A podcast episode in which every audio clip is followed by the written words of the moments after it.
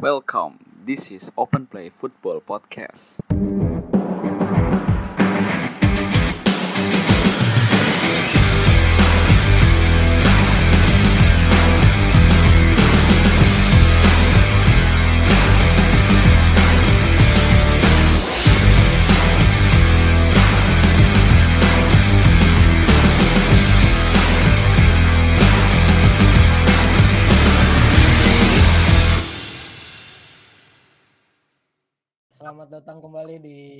Play Football Podcast episode ke-18. Ya, eh, sudah lama sekali kita absen, tidak membuat podcast lagi. Terakhir eh, episode kita satu bulan yang lalu dan eh, itu baru Lampard baru-baru dipecat. Eh, sebelum kita mulai, mungkin gua di sini nyapa teman-teman gue dulu ya yang ada di podcast ini. Pertama ada Abe, Be gimana Be kabarnya? Halo Tan, baik banget. Oke. Lalu ada Bang Pais, gimana Is? Kabarnya Is?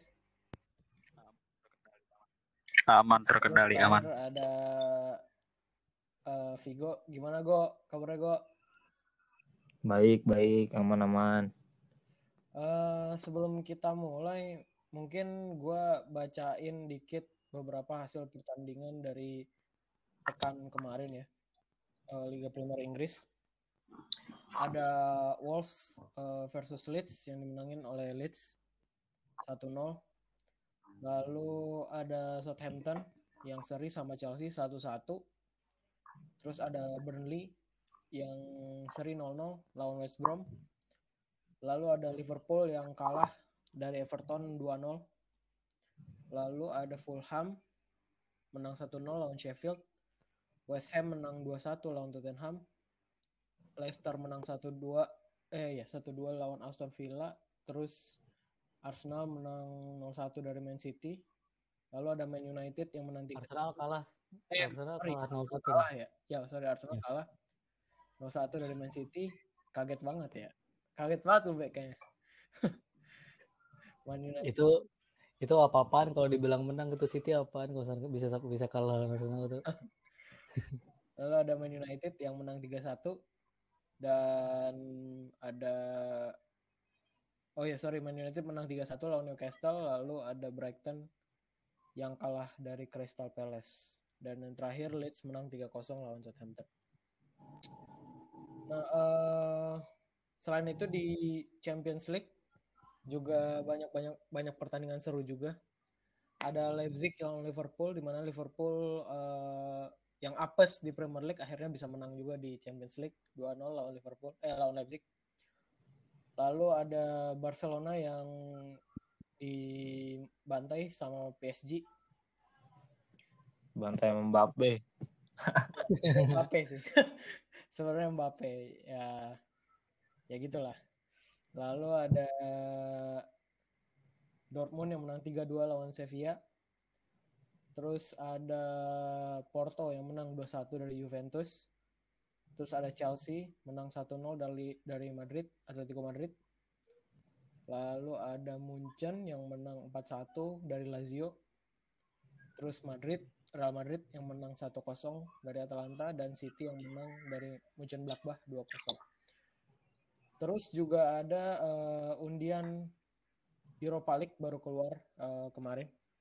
Babak 16 besar di mana hasilnya adalah Roma akan melawan Shakhtar. Lalu ada Granada lawan Molde. Molde, Molde. Molde ya, benar Hmm. bacanya. Lalu ada Arsenal lawan Olympiakos. Musuh lama. Eh, terus Tottenham lawan Dinamo Zagreb. Rangers eh, versus Slavia Praha. Terus ada Young Boys lawan Ajax.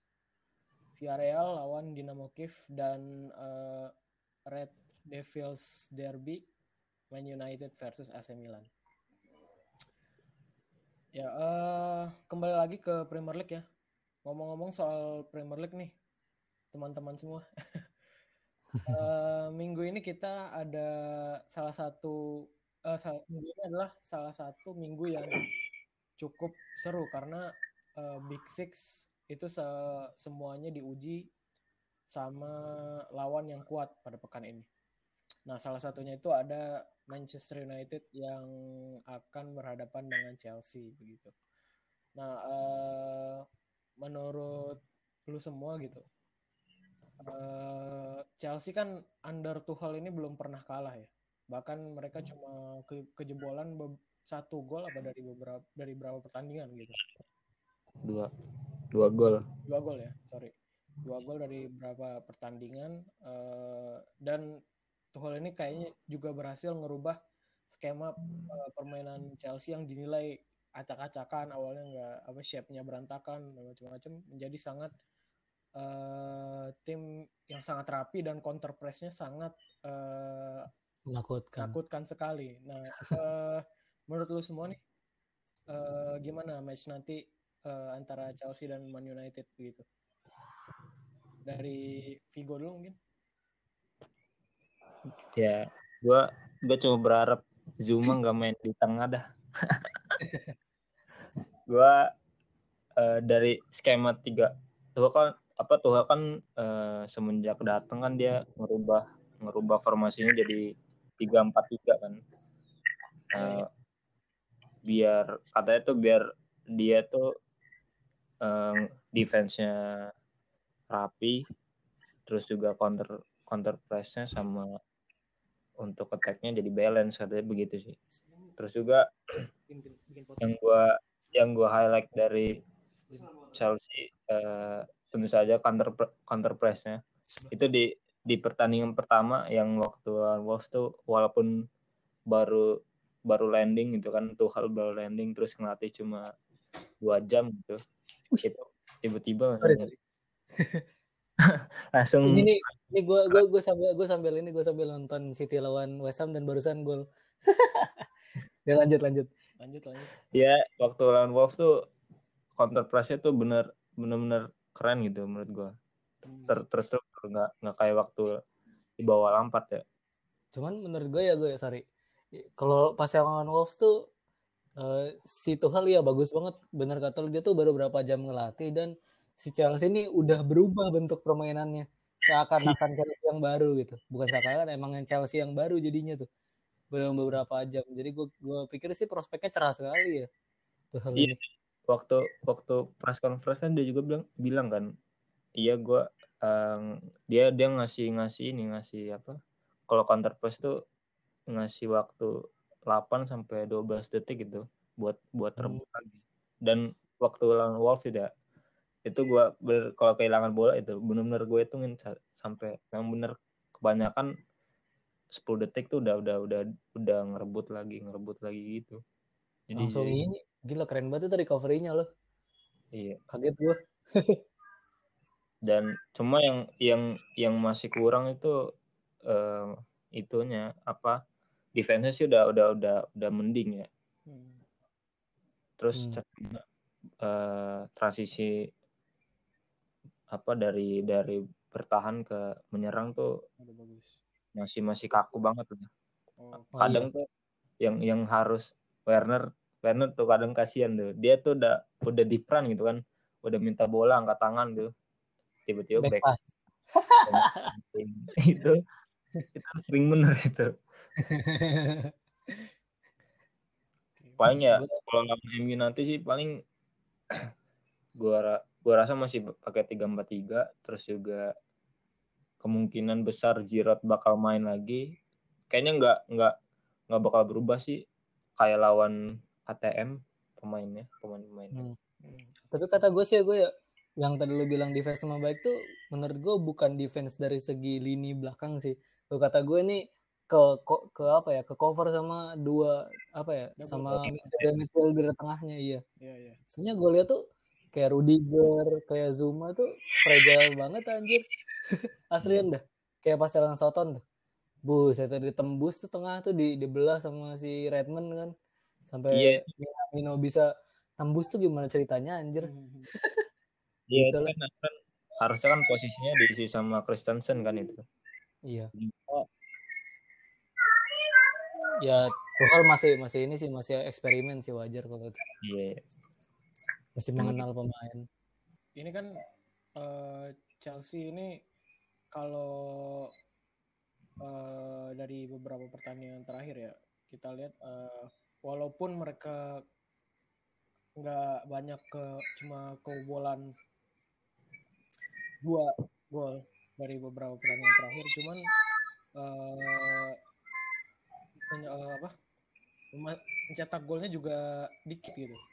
Nggak nggak nggak efektivitas eh, finishingnya juga nggak terlalu bagus gitu. kan Hmm. Nah, eh, menurut lu eh, ap- apakah formasi yang tiga tiga empat dua satu ya atau tiga Tiga empat. satu dua itu bakal dipakai terus sama Tuchel soalnya kan eh, di beberapa interview dia dia itu kayak lebih nyesuaiin formasinya itu dengan eh, lawannya siapa gitu jadi taktiknya itu disesuaikan dengan lawannya gitu. Gua rasa juga kalau formasi awal sih menurut gua masih tiga tiga empat satu dua sih. Menurut gua itu bakal sampai apa dipakai sampai akhir musim sih menurut gua. Karena menurut gua ini eh, ngincer ngincer menang sampai masuk empat besar dulu sih menurut gua ngamanin empat besar. Baru musim depan paling dia eh, ngerombak squad lagi baru dia ngerat eh, formasi versi dia sendiri. Hmm. Main aman ngejar target dulu gitu ya. Iya. Oke. eh, terus eh, ngomong-ngomong soal Man United nih, Man United kan eh, lima laga terakhir itu dia tiga kali seri dan dua kali kalah. Kita tahu lah semuanya di mana eh, lini belakang United ini tetap jadi sorotan walaupun lini depannya lagi apa lagi tajam-tajamnya gitu. Jadi berapa Oh iya. paling apa ya MU, MU itu klub yang paling banyak em, mencetak gol dan lumayan apa ada Banyak banyak kebobolan. kebobolan di antara Big Six gitu di antara Big Six yang lainnya Sama Arsenal aja lebih banyak kebobolan ya Tan. iya itu bukan Big Six lagi ya mungkin sama Top 10 lah. Enggak top 10. Top 15 kayaknya ba- banyak juga itu kehitungnya. Enggak sih? Top 12. lumayan lumayan banyak nah eh, menurut lu nih Is eh line up-nya ntar kayak gimana nih Is pas lawan Chelsea kan kita tahu nih sekarang banyak yang cedera juga MU ada Cavani yang masih belum tentu bisa main terus ada siapa McTominay ada Pogba ada Van de Beek juga menurut lu oleh bakal nurunin formasi yang 4-3-3 kayak biasa atau ada perubahan Menurut gue sih eh dia pakai 4-2-3-1 ya, cuman eh, kemungkinan yang masih gue abu-abu itu pas Hmm. tandemnya Maguire ini siapa gitu. Karena kalau lu misalkan main Lindelof, eh, dia kan setipe ball playing defender. Nah, terus juga di saat ini juga kita tahu si Bailey ini kan lagi on perform ya, Hmm. daripada musim-musim lalu. Mungkin karena juga ada efek lain eh, di selain diancam oleh itu. Nah, terus kemungkinan ada kayak kemarin sih kayak lawan Sociedad itu. Jadi eh dia kan ada Matic terus ada Fred sama Fernandes. Terus paling di samping kiri Greenwood atau enggak James kalau James masih sehat ya insya Allah lah James lah. Soalnya James eh, akhir-akhir ini lagi lagi semangat gitu. Kalau Mas Rizal pasti sih itu udah udah ketentuan alam. Tuan muda itu. diganggu gugat. Emang ini sih. Cuman terlepas dari itu sih eh ya tetap tetap di apa di tandemnya Maguire itu nih yang masih abu-abu gitu. Cuman kalau apa buat kebanyakan bol, kebobolan rata-rata pas dia itu sama Iya. Delop Heeh. karena emang tipe kali ya. Gue liat pas kemarin pas lawan Sociedad itu si Lindelof tuh lebih lepas gitu, lebih bebas. Karena tandemnya kan eh dia main apa? Hmm. Sentral, central defense. Jadi dia lebih banyak menguasain bola terus banyak build up. Dia kayak lebih lebih bahagia lah dibanding sama Maguire. Mungkin kayak gitu sih defense-nya. dan mungkin Yang harus ya, diperhatiin lagi. ini ya Is, ya. maksudnya kan eh, yang sering disorotin eh, pas MU ini nyerang gitu dan kan Maguire dan Lindelof ini dua-duanya uh, ball playing defender. Uh, jadi uh, mereka dua-duanya saat Betul, betul. nyerang itu uh, mungkin lupa bertahan atau gimana gitu. Jadi kadang-kadang nggak ada yang nge-cover bingung belakang dia. gitu. Jadi kosong aja. Iya, sorry sorry gue gue gue motong dulu Jadi MU tuh serius dah maksudnya gue tuh eh, gak benci sama MU cuy cuman kayak gue ngeliat back MU tuh MU main tuh jadinya benci gitu kan walaupun gue bukan fansnya gitu. Kenapa tuh? gimana ya kalau gue mikir eh, Maguire tuh dia punya kelemahan yang sama kayak Mustafi satu Hmm. gak punya ini gak punya sense. Gitu gimana ya? Kayak nggak ya. bisa nggak bisa ngedetek bahaya. Iya awareness jelek banget anjir. Gua gua masih ingat tahun dua tahun yang lalu udah udah dua tahun yang lalu berarti ya. Yang pas seri lawan Arsenal tuh yang dia angkat tangan golnya Auba tuh yang asis satu asis pertama Saka tuh. Mhm. golnya Auba yang dia ngangkat tangan offset padahal dia tuh posisinya lagi di ujung gawang anjir inget banget gua. Di ujung Oh lapangan. Iya iya iya iya. gitulah. Terus kayak yang gol yang mana ya? Lalu gol lawan apa gitu dia juga kayak gitu kan. Kemarin lawan Everton. Ya, iya. Lawan Everton. Everton juga kayak iya. gitu. sense sense-nya tuh nggak ada gitu. Lindelof apalagi tai lah Eh, Makanya butuh sentral sih, sentral defense-nya kayak model-model Hmm. Bailey kayak gitu. Cuman kan Bailey lo tau sendiri, kaki-kakinya kaki-kaki tipis Iya, aja. sama satu Belum lagi dia kan lebih eh, apa? Lebih kayak Pogba sih. Suka show off. sama kata gue sih Hmm. bayi bayi itu emang kurang main aja ya gimana caranya dia bisa banyak main kalau kakinya aja begitu Nah iya, makanya Oleh juga mikir di situ. Makanya dia diancam kan tahun ini. Lu kalau nggak bisa outperform, gue bakal buang. Gua kata gue sih mending jual aja. Percuma ngerawat barang pecah belah tuh is back lagi. Iya, gitu sih, bener tergantung kan kita semua tergantung siapa-siapa pada juga. Fans doang. Cuman eh nih cuman MU ini tuh kalau dilihat kalau dilihat ya, dia itu eh cukup apa? Cukup rapuh kalau di bola atas dan untuk mencetak gol se- eh, sekarang senjata andalannya itu juga crossing crossing gitu. Tapi dia juga lemah saat bertahan melawan crossing gitu. Nah, eh, menurut lu betul betul. eh apa nih Is, yang mesti dilakukan MU gitu? Soalnya gue lihat kayaknya emang staff kepelatihan MU juga itu kebanyakan dari pemain-pemain yang eh, attacking minded gitu. beli back baru kan. Iya sih. beli back baru Sebenarnya kalau beli back baru misalkan sebenarnya solusinya mungkin dikit lah kekurangan cuman kan balik lagi ke set eh, pelatihan itu kan dari coaching coaching sistemnya. Nah di sekarang itu coaching sistemnya ya terakhir malah masukin si Darren Fletcher kan yang yang mungkin balance lah agak balance. Cuman kan yang terakhir kemarin kan Phil Neville udah dia out ke Inter Miami kan. Jadi oh mungkin defensifnya itu defensif set piece-nya yang defensif eh, trainingnya yang kurang mungkin dari dari situnya atau enggak latihan set piece-nya kayak gimana gitu. Mungkin kalau lu lihat di YouTube di trainingnya MU, gue nggak pernah ngeliat dia latihan set piece gitu, latihan antisipasi lebih ke ya hexagonal position terus kayak ado sprint kayak gitu kayak gitulah lebih ngandelin lebih ke attackingnya gitu daripada Eh, cuman, Defense-nya. cuman lu semua sepakat gak? Kalau Luke Shaw eh, adalah back kiri terbaik Premier League ini. mungkin untuk saat ini ya Di di atas James anda atas mau James. anda melupakan Tierney anjir jahat banget bangset Tierney bagus. itu ada Tierney ada Creswell Oke. eh Creswell kanan kiri sih kiri kan Kiri ya sama. ada Tierney oh iya ada Tierney ada Creswell buset jahat banget bangset Tapi Luke Shaw itu tetap terbaik cuy. Dia udah berapa asis gitu Iya, iya. musim ini. Kata untuk gua saat sih- ini ya sih. Mungkin Pak Pala lagi pusing-pusing sekarang. Iya, ini iya, iya. line up kata kirinya. kata gue sih tanya Shaw tuh satu-satunya yang main jadi back di MU sisanya sisanya papet itu. Iya, kayak termasuk Wan Bisaka ya. iya anjir. Sisa sisanya tuh gak bisa gak bisa gak bisa bertahan itu kayaknya. Nggak tahu ya MU salah. MU tuh itu ngerak ah, bukan gimana ya? Ngebeli pemain tuh di luar job desk kayaknya.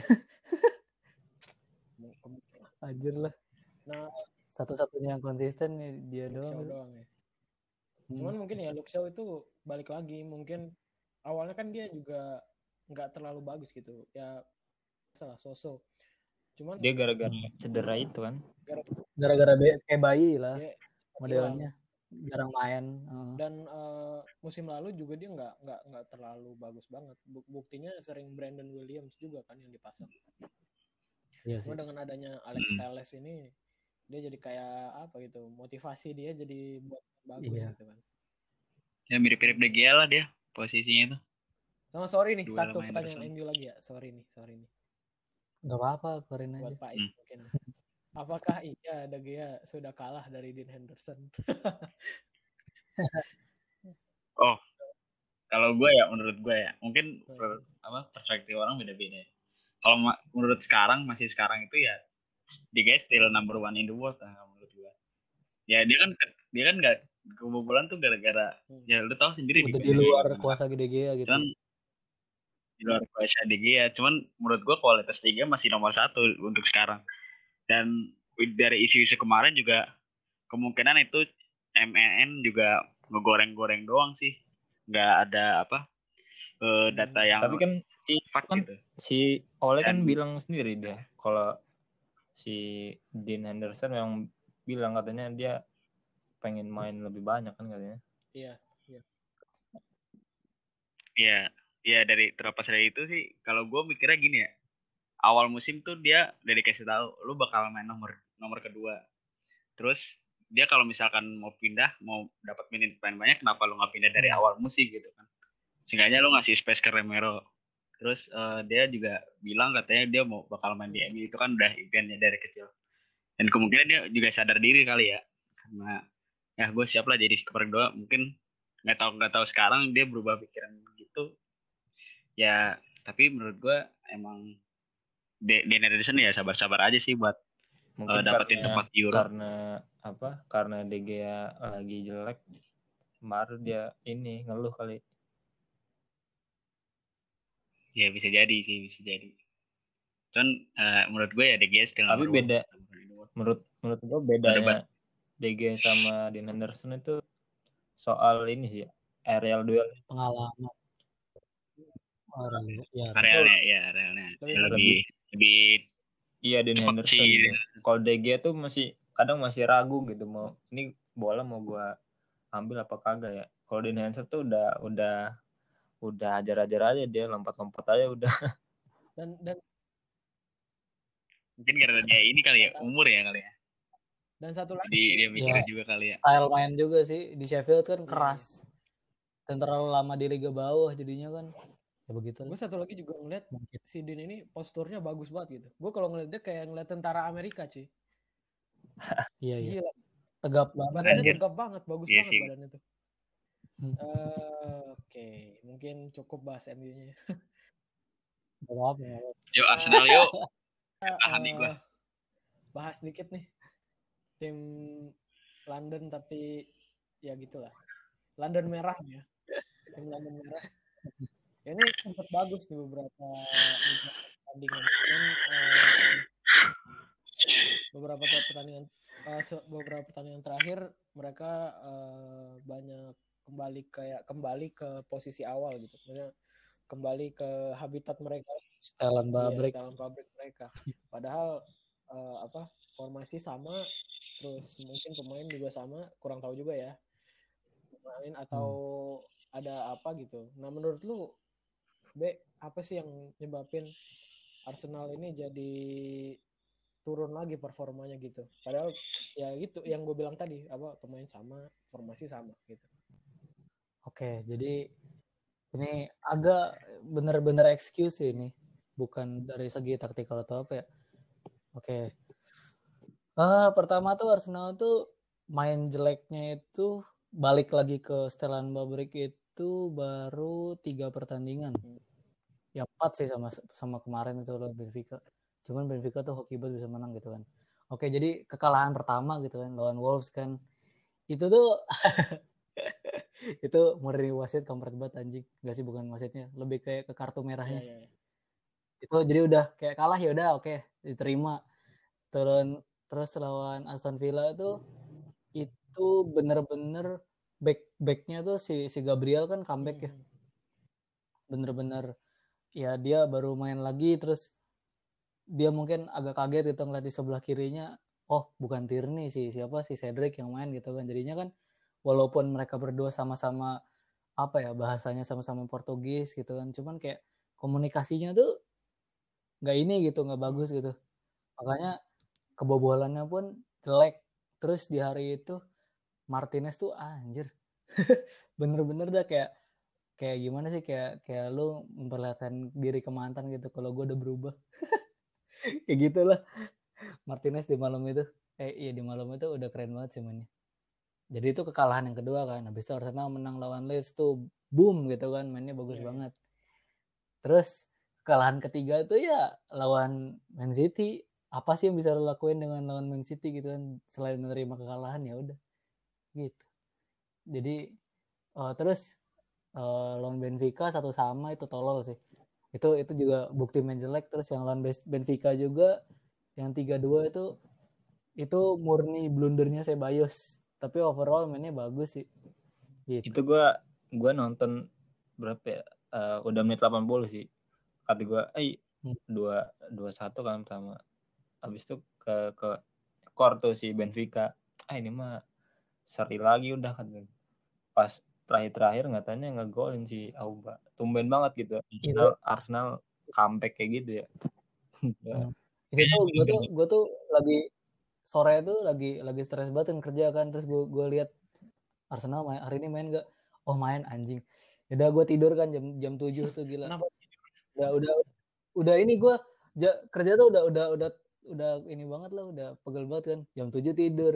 Terus jam 2 bangun gue asem kata gue gue gue pikir bakal bakal bangun pagi jam 5 gitu jam 2 anjir. Ya udahlah ini mau gimana lagi? Gue buka kan gue ada langganan juga kan di video.com gue buka video.com gue nonton Arsenal. Ah. Udah mulai gitu kan. Udah mulai tuh jam 2 tuh. Ya udah di tengah-tengah lah ya. Terus gue liat skornya. Black dua sama kata gue ah. Nggak dua sama sih dua satu itu. Anjir lah dua satu kan. Gue lihat kan di, masih diputer tuh highlightnya tuh masih seger tuh kan diputer highlightnya kan. Golnya ini gara-gara saya bios nih Astagfirullah jelek cacat lah gitu lah. Terus alhamdulillahnya alhamdulillahnya tuh 6, 6 menit kemudian dibalas sama Tierney tapi itu belum cukup karena dua sama. Kalau dua sama Arsenal tetap kesingkir karena kalah agregat gitu. Bukan agregat agresivitas gol tandang. Betul. Terus aduh kata gue udahlah ini mau gimana? Harus tiga dua kan? Terus gue ngeliat Benfica mainnya low block Arsenal sejauh ini lawan low block goblok mainnya jadinya kan aduh lah ini gue udah pasrah sama takdir lah. Itu gue malam apa kan gue om gue kan ada di kosan gue kan tidur kan. Gue bangunin dia dua kali anjing. Gara-gara ngamuk-ngamuk sendiri tadi eh pas Saka crossing terus gue ngeliat Auba ah, udahlah gol ini pasti gol bener kan gol. Tiga dua dan ini Arsenal jangan sampai jangan sampai ini jangan sampai blunder anjing. Ah udahlah gitu. Tapi abis ini ketemu Olympiakos lagi Olympiakos lagi. Musuh musuh Ingat lama. lalu kenapa bisa sama Olympiakos iya. Olympiakos itu itu murni murni Arsenal itu mental sih kita sih situ. Bodoh banget. Sebenarnya kalau bicara masalah mental ya dari dulu ya Arsenal dari zaman Arteta kan mental mental ya, terus kan dari dulu. Ya yang nggak bisa dibenahi. ya mereka tuh menang kalau kebanyakan menang nggak bisa kebanyakan kalah nggak bisa jadi mereka main di tengah jadinya emang emang dia tuh Arsenal tuh nganut Hindia iya, gitu secukupnya aja emang itu fansnya sih fansnya tuh emang emang filsuf banget ini kalau gue lihat nih kayaknya fans fans Arsenal nih apa ya Hindi-hindi kucel gitu ya. Hindi-hindi kopi kucel. Ma maaf anak-anak Hindi. anak-anak Hindi. Hindi-hindi kopi kucel. Emang Arsenal secukupnya iya. aja udah nggak usah lebih-lebih. Tapi menurut gua mungkin ini ya, Be. Wingbacknya kali ya, Be. Ada agak masalah gitu. Yang di mana yang dulu lu punya wonderkid yang namanya itu Hector sekarang, Bellerin. Sekarang, jadi model, sekarang, sekarang jadi model. jadi catwalk. Ya, Jadi model kan dia. Dan apa untungnya yang pas lawan Benfica yang leg pertama itu kan ketolong sama bocah 19 tahun gitu kayak si Saka nih ngajarin Bellerin nih cara ya, di leg kedua juga Saka lagi kan, ngajarin Bellerin is iya kan ya, dia malah dia kayak apa ya depan nggak bisa terus Gue kayak inget kirim yang- bola ragu-ragu Gue nginget Brand yang lawan kan. lawan siapa tuh yang dia salah salah throw in banyak itu. Wah itu lawan lawan ini Aston Villa kayaknya. Gue juga lupa. Itu sampai tiga masa masa masa terpuruknya Arsenal tuh gue lagi sibuk kerja alhamdulillahnya. tuh. sampai Jadi nggak sampai banyak nonton. sampai tiga kali salah apa berapa kali gitu. Dua kali gua- dua kali sampai di kartu kuning kalau nggak salah. Iya. Iya kayak gitu kan masalah di wing wingnya juga masalah habis itu kalau Tierney cedera habis nggak ada yang ganti lagi Cedric Cedric sedikit doang nggak bisa Cedric.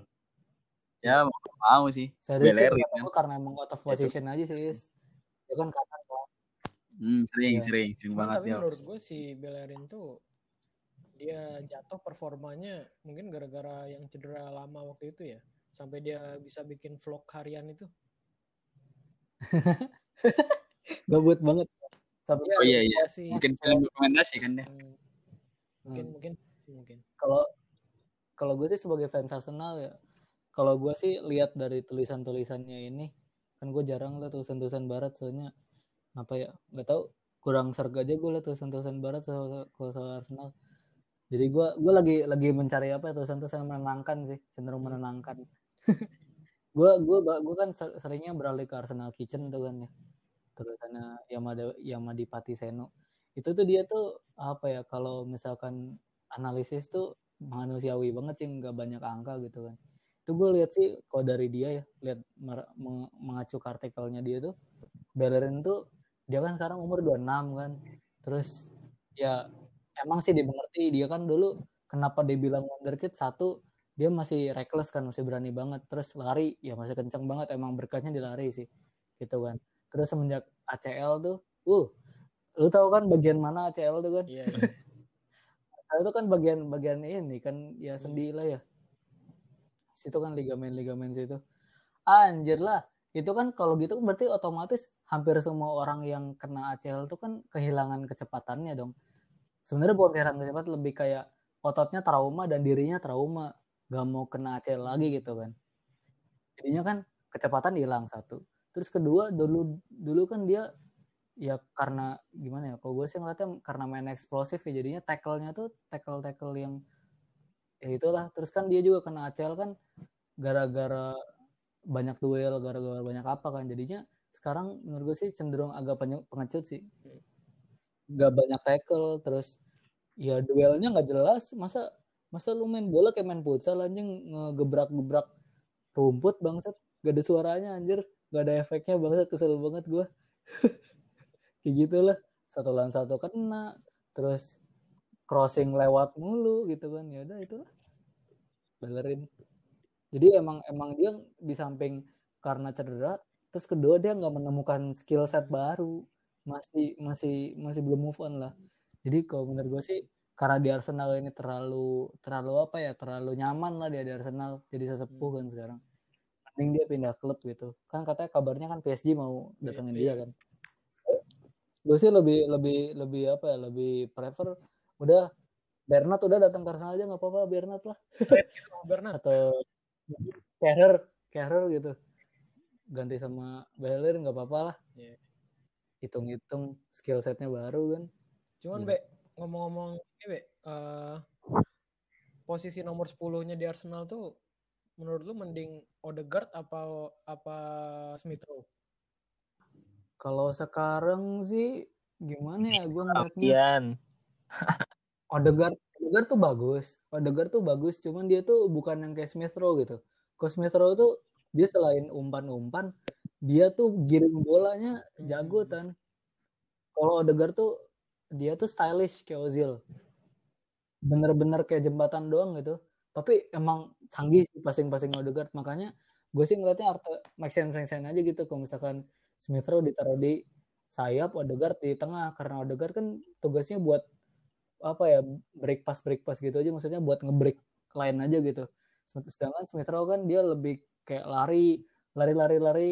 Terus apa ngoper lari lari terus ngoper lari lari terus ngoper. Sama kayak pas pokoknya perannya tuh sama kayak pas pas Leeds lah ya kayak Hmm. gitu kan lu lihat kan Smith Rowe bikin passingnya gila cakep banget tuh yang passing gol Auba keempat tuh uh gue udah Main blowing. tuh, waktu itu udah dua kali salah tuh ah udah nggak seru ini anjing kata gue langsung gue matiin sama gue Hmm.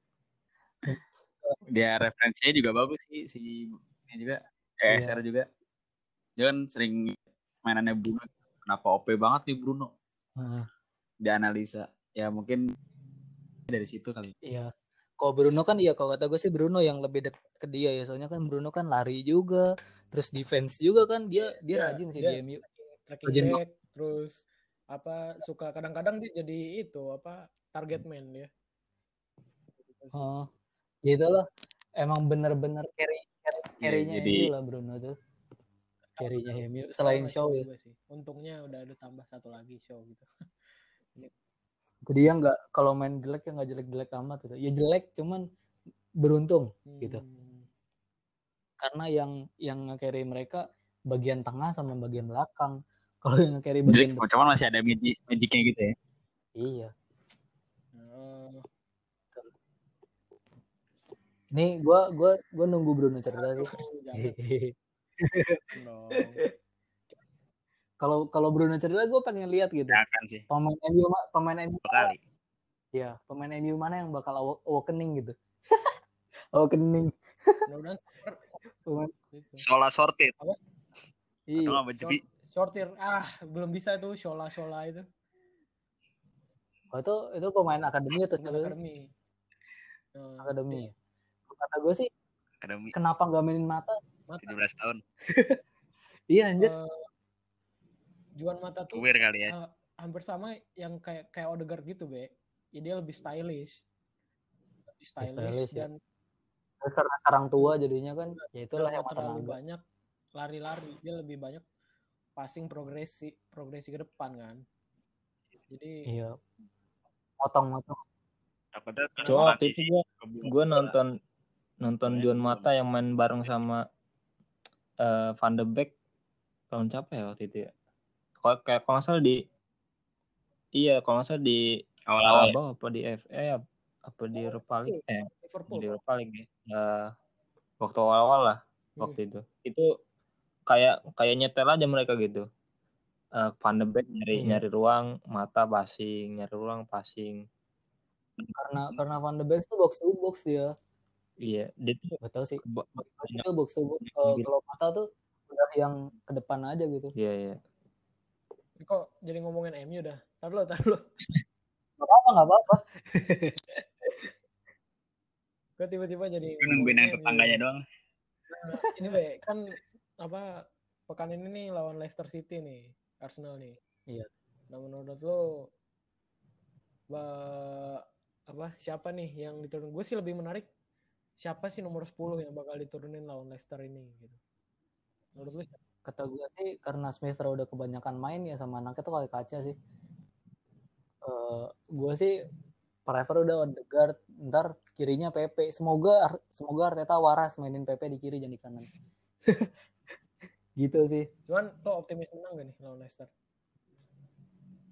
Sama Leicester ya kalau buat sekarang sih buat kondisi yang sekarang sih nggak optimis ya. eh ada Soalnya ada Madison Leicester Iya. nggak masalah. Nggak masalah Madison Madison tuh bukan bukan ini bukannya permainan Harvey Harvey Barnes Barnes, ya, itu gila. Harvey Barnes. Kalau kalau ada kalau fans Arsenal apa ya nge, mengagung-agungkan Saka gue gue kayak apa ya gue kayak nggak terima gitu. Ini lu nggak ngeliat Harvey Barnes main ini. Sumpah lu tuh lu tuh nggak melihat Harvey Barnes main emang fans Arsenal tuh emang buta sih. Kambungan banget. Itulah gue sih kalau kalau siapa pemain muda terbaik di IPL sekarang Harvey Barnes. Definitely Har- Harvey Barnes. Jamie Vardy itu cuman cuman om-om tua yang udah kehabisan tenaga dan cuman bisa nge-shoot doang sekarang kalau misalnya nggak ada Harvey Barnes tuh. Asrian tapi tapi kalau winger selain Barnes gitu kan winger selain Barnes. Hmm. menurut lu siapa gitu? Yang ada di klub-klub mediocre ya, di Premier League menurut lu siapa? Kalau gue sih rilis lah. Rafinya sih. Rafinya rilis Rafinya tuh iya sih. Rafinya tuh ini sih Tan, apa kalau gue tuh kenapa kan sekarang lagi heboh tuh kan Rafinya di di ini Liverpool gitu segala Hmm. macam. Kalau gue sih Rafinya tuh kayak Wan Bisaka modelnya. Nggak ini dua dua orang dua orang berbeda cuman maksud gue kalau gue lihat dari cara mainnya tuh sama kepribadiannya sama. Ini Rafinya ini kurang belajar kurang kurang ini kurang kurang experience aja sih. Ya, soalnya dia tuh maju depan tuh maju doang anjir kayak pemain Indonesia lu tau kan? Tipikal tipikal ini sih, tipikal winger winger Brazil sih. Iya, maju ke depan doang dan dia tuh belum ya nggak tahu ya gue gua gua jauh banget itu bandinginnya. Belum di levelnya Mahrez gitu. Yang di mana Mahrez tuh maha winger. Jauh sih lo Dia tuh- sama ya maksudnya kalau dibilang bagus atau enggak bagus cuman gak bagus-bagus amat. Senjatanya Rafinya sekarang tuh tendangan jarak jauhnya justru bukan kemampuan ngobrak-ngabriknya. Gitu. Jadi kalau misalnya mau melihat dia sebagai winger sih nggak berbahaya ya. Cuman kalau melihat dia sebagai attack apa ya eh, bagian dari lini depan itu berbahaya banget Rafinya tuh lihat aja Arsenal tuh kan pas lawan Arsenal tuh kan hampir Iya, ngegolin iya. dia Soalnya Leno-nya terbang gitu. menurut gue si Rafinya tuh cuma bukan itu, cuma nggak dapet eh, pemain tengah yang bagus gitu. Menurut, maksud gue Ya. eh, ya terlalu mediocre aja sih pemain-pemain Leeds. Jadi nggak nggak terlalu Ya, bisa ngimbangin eh, apa maunya si Rafinya ini. Betul, emang nggak bisa belum bisa apa ya? Emang Leeds ini bukan tempat yang tempat yang tepat untuk mengeluarkan 100%-nya Rafinya gitu. Bahkan 1000% ini masih 70% gua kata gue Rafinya. iya. Masih bisa lagi. Kecuali dia waktu itu kena ACL udah kelar. Soalnya gue eh, kemarin dari kemarin tuh ngeliatin Rafinya pas masih di Sporting, ngeliat bareng Fernandes Hmm. kan, wah gila bagus banget sih. Gue berharap sih dia bisa datang ke MU. Kalau kalau di klub-klub mediocre sih lulu semua nggak nonton Brighton sih. Di Brighton tuh banyak gila itu kanan kiri tuh kanan kiri tuh winger winger bagus semua itu kalau kata gue ya. Entah ini kan popular opinion sih. Ini eh, apa namanya? Si Brighton nih sekarang emang emang ya emang gimana ya murni murni murni kualitas tim sih ya. Maksudnya ini coach bagus. Terus dia punya dia punya game plan yang jelas terus punya ya game plan yang jelas terus si keputusan-keputusan coach ini bagus cuman emang pemainnya jelek. Sama mungkin Brighton nggak punya uang gitu kan. Gitu. Brighton ini bagus loh Solimars di kiri ya tuh itulah. Solimars terus ada siapa lagi itu nomor tujuhnya. Ya mau pengen tengah. Mope. ya juga terus bagus itu. Bisuma itu kan dia breakernya kan di di tengah tuh. Terus di kanan kirinya, back kanan kirinya bagus gitu loh dari segi bertahan dan menyerangnya. Terus back tengahnya juga bagus gitu. Emang yang kurang sih, tuh emang pukul itu. Ben White Luis Dang itu. iya. Ben White, Louis Dang, Louis Dang, terus ada Webster. Kalau tahu Webster sama Louis Dang tuh duo tiang. Terus defense sense-nya mereka tuh uh, keren banget kan. Yang namanya Louis Dang tuh kayaknya nggak pernah meleng anjir. Kebobolan-kebobolan tuh emang murni murni perbedaan kualitas aja yang emang terlalu OP gitu. Ya gue sih ngeliatnya kalau lu melihat winger ya cari di Brighton. gitu. Sekarang mungkin kita mau ngomongin satu klub London lagi nih. London satu klub London lagi. Kayaknya klub-klub London ini lagi pada bermasalah ya. Kecuali West West Ham. Dan mungkin Chelsea ya. Chelsea lagi honeymoon Iya. lagi sama Tuchel. Nah, eh, ada Tottenham gitu ya Mourinho. Dia mereka itu di apa? Beberapa pertandingan terakhir itu lima pertandingan terakhir itu mereka empat kali empat kali kalah banget. dan sekali menang gitu ya.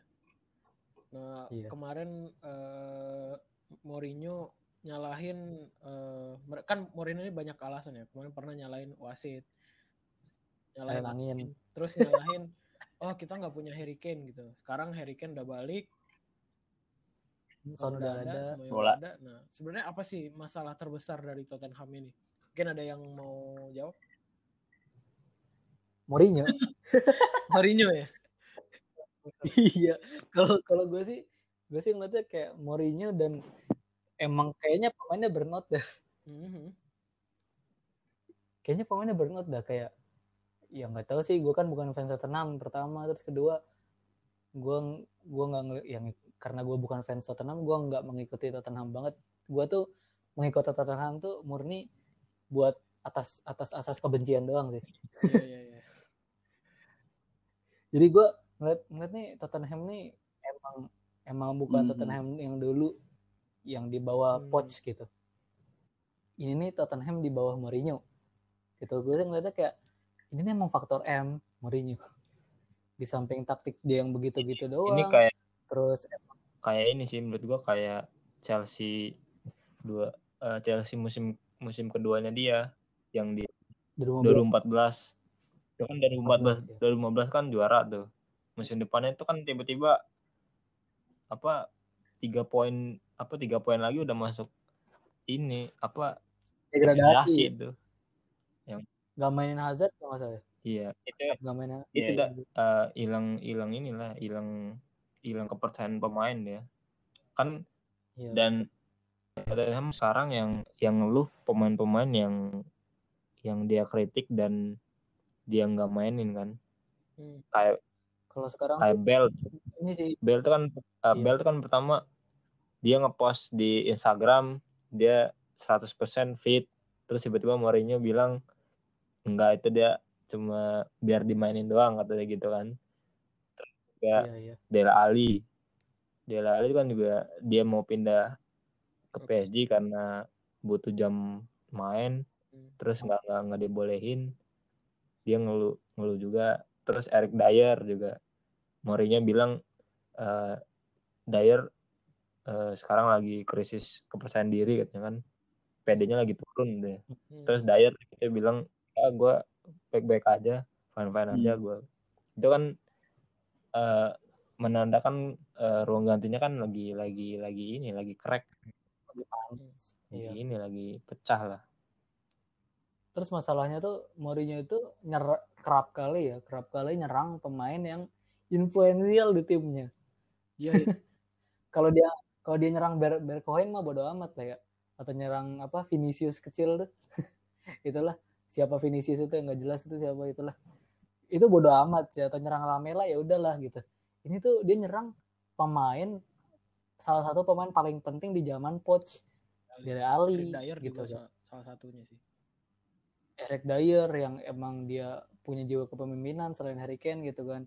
Terus dia juga nyerang Gareth Bale yang mungkin walaupun dia pemain baru masuk lagi, cuma tetap aja kan bagi pemain-pemain Spurs lainnya dia Iya, kan legend, gitu.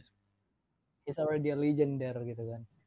Udah udah legend banget lah Bale sampai bisa direkrut Madrid kan itu udah udah udah prestasi gitu pemain Britania Raya lagi. Hmm. Wales lagi. Gitu. Ini emang emang Mourinho salahnya relawan sih Apa gitu. eh, mungkin ya? Apa mungkin ego mungkin harus nggak ada yang mau gitu. Mourinho. sama-sama tinggi gitu. Pemain pelatih. ya oh, kalau kalau gue lihat sih pemainnya sebenarnya nggak egois ya maksudnya model kayak Dele Alli itu kan wajar dong dia minta main orang dia nggak ada yang maksudnya performa dia nggak jelek-jelek amat kok. Bukan nggak jelek-jelek amat karena dia jarang dimainin gimana mau lihat performanya anjir. Gitu kan. Terus si Mori sebenarnya emang faktor Mourinho kalau Mourinho nya nggak nyolot ini kan udah lama banget dong. Lu terakhir ngeliat Dele Alli lihat di start lain kapan sih gitu kan. Udah lama banget dong pemain kan ba- sabar juga ada batasnya gitu loh terus dia kan baru pemain muda juga bentar lagi masuk peak time-nya Bel- apa Dele Alli nih dan Bell kan selain dia karena datang ke Spurs pengen main ya ketika ganti main kecewa juga dong gitu loh jadi emang Mourinho-nya sih ini faktor faktor tuh Mourinho bukan karena ego tim Hmm. Hmm. gitu loh ini karena emang Mourinho memunculkan ego mereka Betul. gitu loh Iya, iya, iya. Kalau dari gue sih emang Mourinho nih bukan di special on ya. Kalau gue bilangnya one season Hmm. wonder dia. Lu lihat dari dari emang habitnya Mourinho kan gitu ya. Dari misalkan dia dikasih kontrak dari tiga musim nih. Musim pertama oke bagus juara ngasih hasilin gelar terus pemain pada bahagia. Nah musim udah masuk masuk musim muda tuh dia udah banyak keluh terus eh, ngeritik pemain di depan gitu. Dan nah beberapa kali juga ya lu nggak nyampe musim ketiga udah juga out Ya. gitu. yang menurut gua si Mourinho ini kan di spesialan di spesialan dulu dulu banget pas masih zaman Porto masih zaman di Inter nah sekarang sekarang tuh udah Hmm. one season wonder sekarang semua udah cocok jadi ini sih malah jadi cocok jadi pandit daripada jadi Mendiri pelatih ya. jadi asisten Dan- gitu loh belajar lagi udah lah mau aja kalau mau jadi pelatih gitu yang harus belajar lagi sih dia eh, football modern tuh Hmm. kayak gimana gitu Dan dia kan yang masalah kan dari dulu pemainnya terus kayak situasional mungkin situasional nomor dua kali ya. Dia lebih ke konfliknya lebih ke pema- pemain pemainnya dulu sih kayak misalkan eh, pas itu mau wartawan ditanyain eh, kenapa Gareth Bale sama Dele, Dele Alli nggak dimainin gitu katanya. Terus dia bilang apa gitu gue lupa. Pokoknya eh, si Gareth Bale eh, lagi gak cocok lah sama gue gitu. Terus abis itu kan dikritik sama si Retnap uh, sepak bola modern tuh nggak gini caranya bukan karena ah dia bukan nggak nggak suka nih sama gue nih. Kan kayak gitu kan yang penting ke apa, approach taktik taktiknya itu gimana. Gitu sih emang siklus Mourinho ini emang udahlah paling cocok udah dipecat. Tapi kalau Is, kalau lu bilang tadi dia tuh di special one di Porto atau di Inter doang salah is. Di Porto tuh dia nggak- dia dia nggak pernah dipecat is. Dan cuma berapa musim doang dia di Porto kan. Setelah itu kan dia langsung dipi- langsung pindah kan. Habis itu di Iya. Milan juga kan setelah dia main bagus emang Milan main jelek enggak. Besok kan dia pindah juga kan jadi lu tidak bisa berbuat apa nggak bisa bilang dia di special one di sana karena emang dia hoki di sana. Dia tuh keluar di masa emasnya. Pas banget. Iya iya. iya. Chelsea juga dia dan dia emang sejauh ini nggak pernah sih maksudnya eh dia eh, gimana ya menghabiskan kontraknya gitu dengan baik. Pasti dipecat. Cuman gue lihat kayaknya media handling media handling dari si Mourinho ini juga jelek ya. Maksud gue dia bukan kayak ngeprotek pemainnya tapi kayak iya lebih Nyerang. nyerang atau memberikan apa kayak was was bikin was was pemain gitu.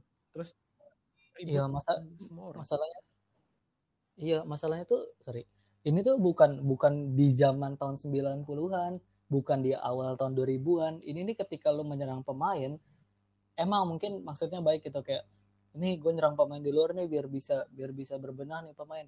Gak gitu bujang sekarang tuh media tuh nggak cuma koran doang anjir. Nggak cuma website doang. Masalahnya kalau misalnya lu nyerang pemain di luar orang-orang yang pro sama lu ntar bakal nyerang pemainnya di sosmed. Gitu kan. Karena tuh ada sosmed gitu. Sosmed tuh emang faktor terbesar dari salah satu faktor terbesar dari kesuksesan pemain di zaman ini gitu loh. Kalau zaman dulu kan lu di lu apa ya kayak dulu kan Mori ya jangan kan Mourinho. Kayak sesal Alex aja kan ngata-ngatain pemain di depan gitu. Iya iya benar ada mungkin kalau dia udah kesel banget ngata-ngatain pemain di depan. Wenger juga pernah gitu blunder di depan gitu. Cuman kan pemainnya ujung-ujungnya mainnya biasa jadi jadi bagus lagi gitu. Karena apa? Karena dia bisa punya waktu untuk berbenah. Kalau zaman sekarang mana mana punya waktu pemain buat berbenah? Orang sibuk diserang di sosmed aja. Iya. udah udah Gitu. depresi duluan ya. Betul Jadi emang emang bukan bukan zamannya lah Mourinho emang harus belajar lagi gitu harus ikut. Emang sih pas zaman zaman modern nih Iya. treatmentnya salah harus ngikutin Mourinho. ini harus ngikut seminar-seminar 4.0 nya Indonesia ini kayaknya. Milenial industri eh apa? Industri 4 Mungkin harus- 4.0 ini sih. 4.0 emang harus harus diundang ke Indonesia belajar bahasa Indonesia. Ayo sini ikut webinar 4.0 di mana-mana. Atau enggak dia Iya. belajar dari Ole noh apa pun keadaannya tetap Iya. mau jadi pemain kalau kalau Itulah mau marah-marahin ya udah di di di belakang aja gitu. ya udah Eh, kita beralih ya ke satu klub lagi nih yang tahun lalu sih juara sih. Tapi tahun ini ngeliatnya kayaknya nggak nggak bakal kejadian lagi gitu. Dan gua sekarang lu juara itu eh, nggak nggak bakal membuat lu eh, apa ya mendominasi gitu loh. Iya ya. Iya. Pokoknya jangan seneng dulu gitu lu juara eh, tahun ini, tahun depan lu belum tentu juara. Ini nggak bukan sepak bola zaman dahulu ya. ini bukan Liga Prancis Prancis bukan Liga Jerman.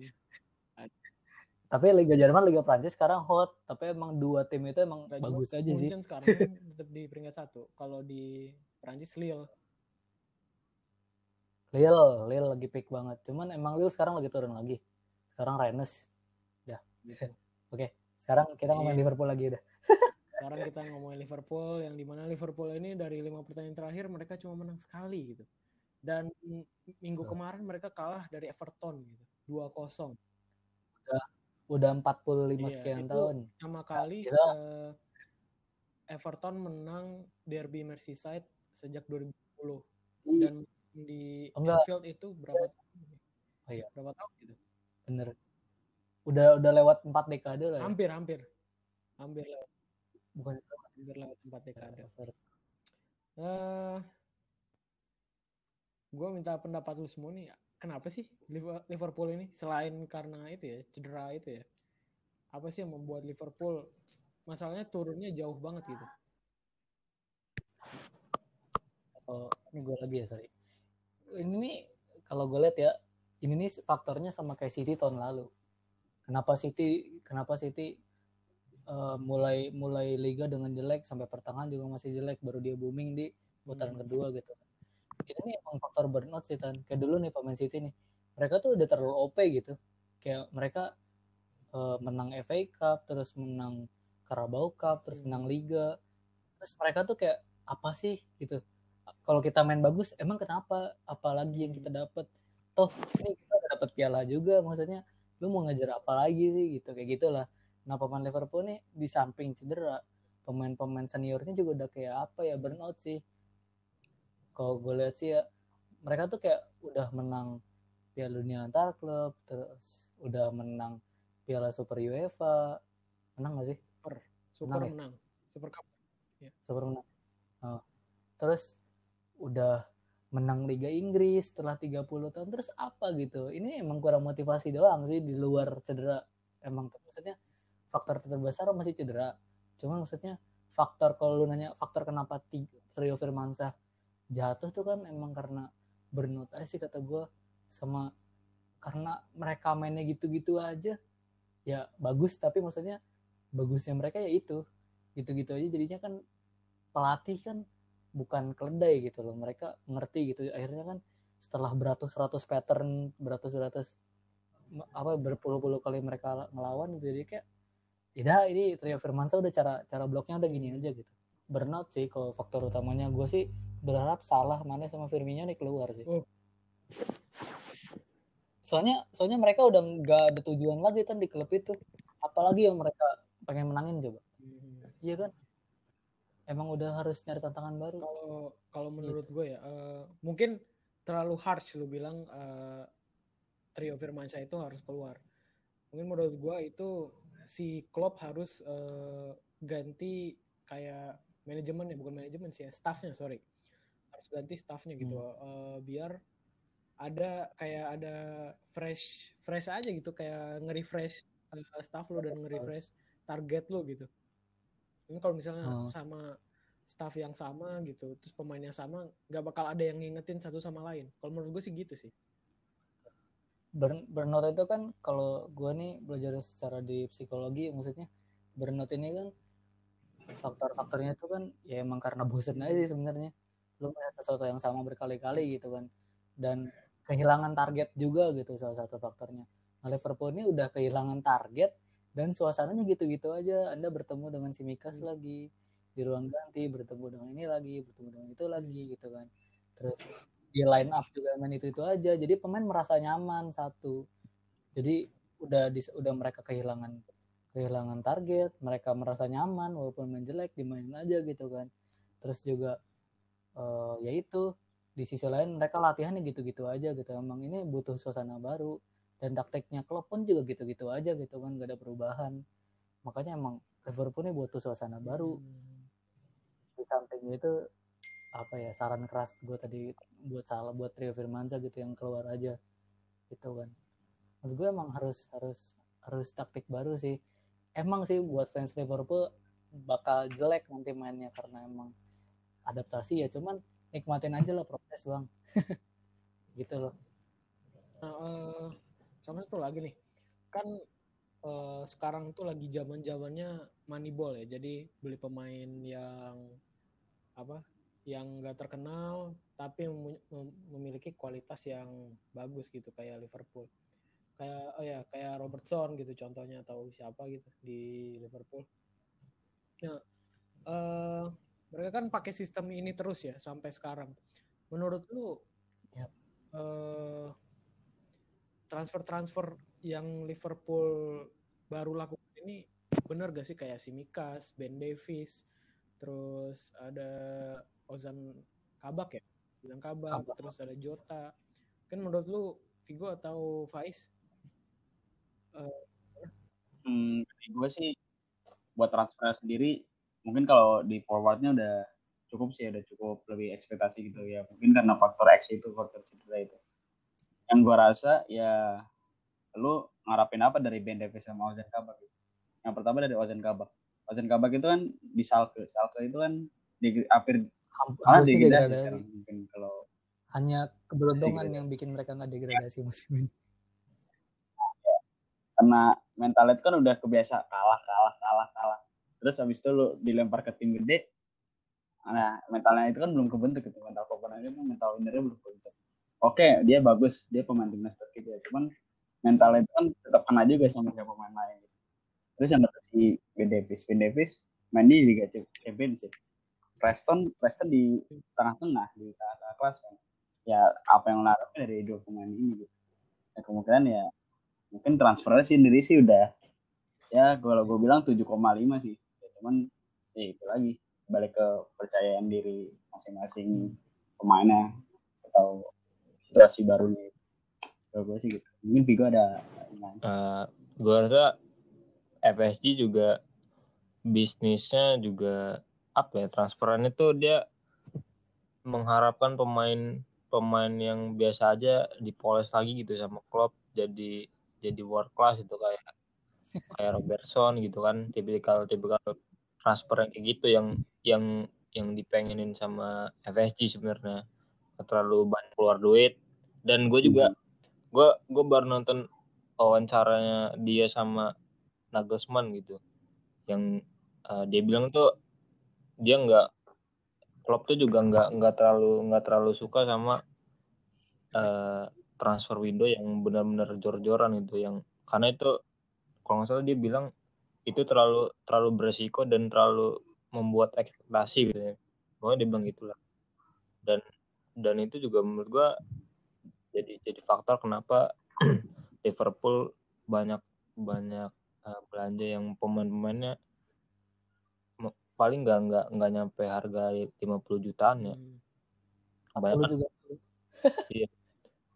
banyak kan palingnya ya ya cuma itu Alisson sama Van Dijk kan sebenarnya yang yang ma- iya. yang lainnya mas-mas biasa. oh, kalau gue mau tambahin tuh bener kata Vigo sih maksudnya kan FSG kan tadi dia bilang apa, apa FSG kan dia pengen efisiensi yang tinggi gitu dari segi dari segi bursa transfer. Kok kata gue sih ini tipikal Amerika banget ya. Hmm. Anda bisa melihat Kronke bisa melihat tim Anda sendiri Anda berdua Patan Pais MU kan? Bagaimana gitu kan? Gue sih melihat ini nih akar kapitalisnya Amerika tuh emang kacau banget aja apakah IPL harus ngeban semua bisnismen Amerika gitu ya? Biar biar tim-timnya gak gak babuk-babuk amat sih. Kalau gue sih menurut gue sih perlu sih. Anjir lah. Penyakit banget. Terus kalau gue kalau lu tadi bilang Klopp memoles pemain murah jadi bagus tuh cuman satu doang woi. Cuman satu doang. Robertson doang. Emang lu bisa bisa menyebutkan lain sisanya yang bagus? Gak ada. Firmino. Firmino emang murah. Di zamannya Firmino tuh mahal kan dan dia emang pemain bagus. Maksudnya bukan yang antah berantah Iya, iya. gitu loh. Tuh kan antah berantah banget anjir siapa dia? Hmm, Hoffenheim udah lumayan sih Firmino. Betul terus kalau lu pengen bilang Wijnaldum tuh murah tuh Wijnaldum Wijnaldum bagus woi dia dia tuh dulu dikejar-kejar sama banyak tim dan dia entah kenapa milihnya Liverpool gitu loh. Kayak gitu. Tapi menurut gua si kenapa si Liverpool setelah gua tahu si Klopp itu juga suka prinsip Moneyball ini ya transfer yang kata Vigo tadi kayaknya emang eh, manajemen dari Liverpool sendiri sama pelatihnya sendiri itu kayaknya memang udah satu visi gitu mereka mau jalanin Moneyball secara keseluruhan di Liverpool even mereka lagi kepepet kayak gini gitu kan kayak apa Hmm. kayak pelopor Moneyball di Inggris itu kan si Michael Edwards itu tuh, direktur olahraganya si Liverpool. Ya. Ya, itu juga salah satu orang yang rekomendasiin klub buat mas eh, buat ya buat pelatih Liverpool Iya. juga kan. tapi gue lihat sih untuk sekarang-sekarang tuh banyak blundernya sih tan. Kayak lu tuh datengin pemain tuh oke eh, musim eh, transfer transfer window ini ya. Kalau menurut gue yang masih bisa dimaafkan tuh cuman Kabak sama si Mikas. Bisanya nggak ada. Hmm. ya sama sama Jota. Jota kan emang bagus maksudnya dan Jota kan di atas 40 ya kalau nggak salah jadi udah bukan pemain murah gitu loh maksudnya yang bisa gue maafkan tuh cuman si Mikas sama Jota anjir eh sama sama Kabak Kabak tuh satu dia masih muda kalau kata gue sih di Schalke tuh yang mainnya bagus dia doang Hmm. Dan itu dia juga loan kan. tapi tapi dia loan udah udah udah punya opsi Ya udah ada beli opsi sih cuman kan nggak tahu tuh itu gimana sih itunya opsinya. Harus beli apa tau gue sih harus ya? beli sih Opsinya harus beli ya. Ya makanya Kabak kan udah ibaratnya orang-orang udah nganggep dia pemain Liverpool gitu kan makanya diserang. Hmm. kalau Kabak tuh emang pertama masih muda terus kalau Pais tadi bilang dia pemain timnas Turki buset pemain timnas Turki. Itu tuh sama kayak bilang sama kayak lu bilang kenapa sih Arsenal nggak beli Andri Tani aja? Di kiper kan Andri Tani pemain tim timnas Indonesia. Ya nggak sejauh itu sih. ya maksudnya kayak gitulah. Maksudnya gitulah tapi dia dia dia tuh pemain poten- potensial sih kalau dia berhasil melewati masa-masa sulit ini gue yakin dia bakal jadi back bagus banget gitu bisa jadi tandem Van Dijk yang tan- tandem sempurnanya Van Dijk lah ya kalau gue bilang Nah, eh, ngomong-ngomong soal Van Dijk nih. Van Dijk kan udah cedera Udah. coy gak bisa diomongin lagi dan dan kayaknya sih udah mau ini ya, udah mau sembuh ya. Tapi dia ini cedera ACL juga kan. Nah, menurut Iya. lu, menurut lu semua nih berapa lama sih untuk si Van Dijk ini balik ke on perform, ke performa sebelumnya? Menurut lama banget sih menurut gua lama. sama kayak ini ha. contohnya itu ada kalau di Chelsea ya itu ada Ruben Loftus-Cheek sama si itu si Odoi Hmm. si Ruben itu kan dia waktu sama Sari itu kan dua tandem sama Hazard tuh banyak gol-gol yang yang yang yang keren lah mainnya juga oke di bawah Sari gitu kan. Tiba-tiba dia kena ACL terus juga waktu pertengahan musim waktu di bawah Lampard juga udah sembuh terus dimainin dimainin eh, akhirnya dipinjemin juga kan karena performanya belum belum balik. Hmm. dan dan dan gak cuma performanya dan me- mentalnya juga mentalnya juga balik. kalau Ruben itu kan belum dia bilang sendiri dia masih masih ngerasain trauma itu katanya. Iya soalnya itu sakit banget loh. Iya. sakit banget. Nah, ini kata gue Van Dijk tuh bakal pasti lama banget sih baliknya. Pertama dia back kedua dia kena ACL kan ada betul. Juga dia pemain pilar. makanya nih dia harus bisa melewati melewati masa-masa dihujat juga. Apalagi lu tau lah fans Liverpool tuh kalau gue minjem istilahnya coach Justin tuh dia kardus banget. Fans fans baru ya. Kalau fans fans lama mah jelas itu sabar banget anjir. Anak-anak next year next year tuh tuh sabar banget sih Cuma maksudnya. Angkatan-angkatan fans baru yang lihat Liverpool di tahun 2000 berapa mungkin? 2016 ya. Di zaman yang Klopp tuh itu kardus sih kata gue zamannya Charlie Adam. Siapa? Charlie Adam itu? Sama Andy Carroll. Andy Carroll mah zamannya Aduh itu juga terbaik sih. Andy Carroll, Balotelli, Ini Stewart. banget. Terus kalau kalau lo tahu tuh pemain Soton tuh siapa tuh? Oh. Yang di depan Lambert, Lambert, Ricky Lambert. Itulah, itu tuh ya? fans apa? Lambert Kipernya. pernah Liverpool. Pernah jadi pemain depan. Itu kan dulu trio tuh, trio mandul. Bori, Borini Lambert sama si siapa si Balotelli anjir. Siapa satu lagi? Oh, Lalana satu lagi ya. Kalahnya bagus kan.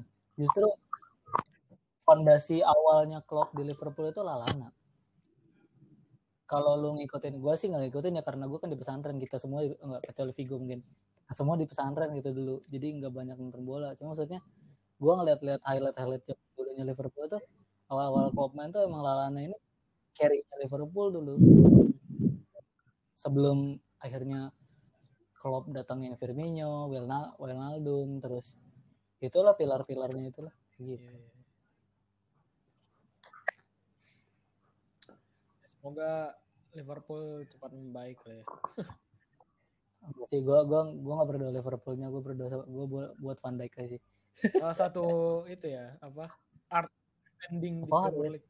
Betul sama gue sih ya kalau Van Dijk balik ya berarti kan FPL gue makin banyak banyak ini opsi kan Ya iya, salah satunya sih. Cuman ya jangan Iya. bagus-bagus amat lah. Kasihan ya. Iya. iya Gue pengen juara. Ya mungkin eh, sekian dulu ya episode kali ini. Lumayan cukup lama nih, satu setengah. kita kita nggak ngomongin sama-sama City kan Actually, udah udah banget next episode. Nggak ada yang dengerin City itu ini udah- bukan kita tuh bukan lawan orang, kita tuh lawan sistem, lawan algoritma betul jadi kita udah pasti ngomongin Arsenal Iya. MU Yang yang, yang ada kelemahan-kelemahannya aja. City itu sama iya, Chelsea Chelsea sama Tottenham. City itu nggak ada kelemahan. ACM lah ACM Oh ya, eh, update update pertandingan. City menang 2-1 ya lawan eh, gila itu gua gua tadi nonton pas gua pas Vigo Vigo ngomong tadi gua sempet apa eh berteriak kesenangan karena City golin itu bagus banget golnya asli. Johnston. emang City banget iya. City banget. Back rasa striker memang mereka. terus tadi gol gol ketiganya Ruben Dias kalau nggak salah ya? cuman dia anulir enggak iya dua satu sih maksudnya tadi sempat ada masuk Oh, ketiga kali Ruben Dias cuman dia anulir offside sih. Gitu. Ya gitu lah. Ya Lumayan sih Dias gue dapat 8. ya udahlah, mungkin eh, segitu dulu ya eh, episode kali ini. Jangan lupa untuk dengarkan terus episode episode selanjutnya dari Open Play Football Podcast. jangan jangan ini apa jangan lupa sabar kalau ngikutin overplay soalnya kita semua emang masih jadi budak dunia belum full time di podcast gitu terima kasih yang sudah menunggu gitu dan kami juga mohon maaf kalau emang update-nya lama Ya ini sebulan-sebulan kita update-nya.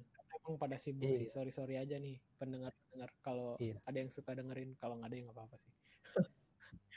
ya, yuk. kami meminta maaf sekaligus berterima Oke. kasih Thank you ya, Be. Thank you. Iya. Gue Is juga. Thank you. Ya, thank you Tan eh, pokoknya Ini. tetap patuhi protokol kesehatan. Ya, ucapan default. Pokoknya gitulah. Ya, gue juga pamit Fatan. See you next episode. Bye-bye.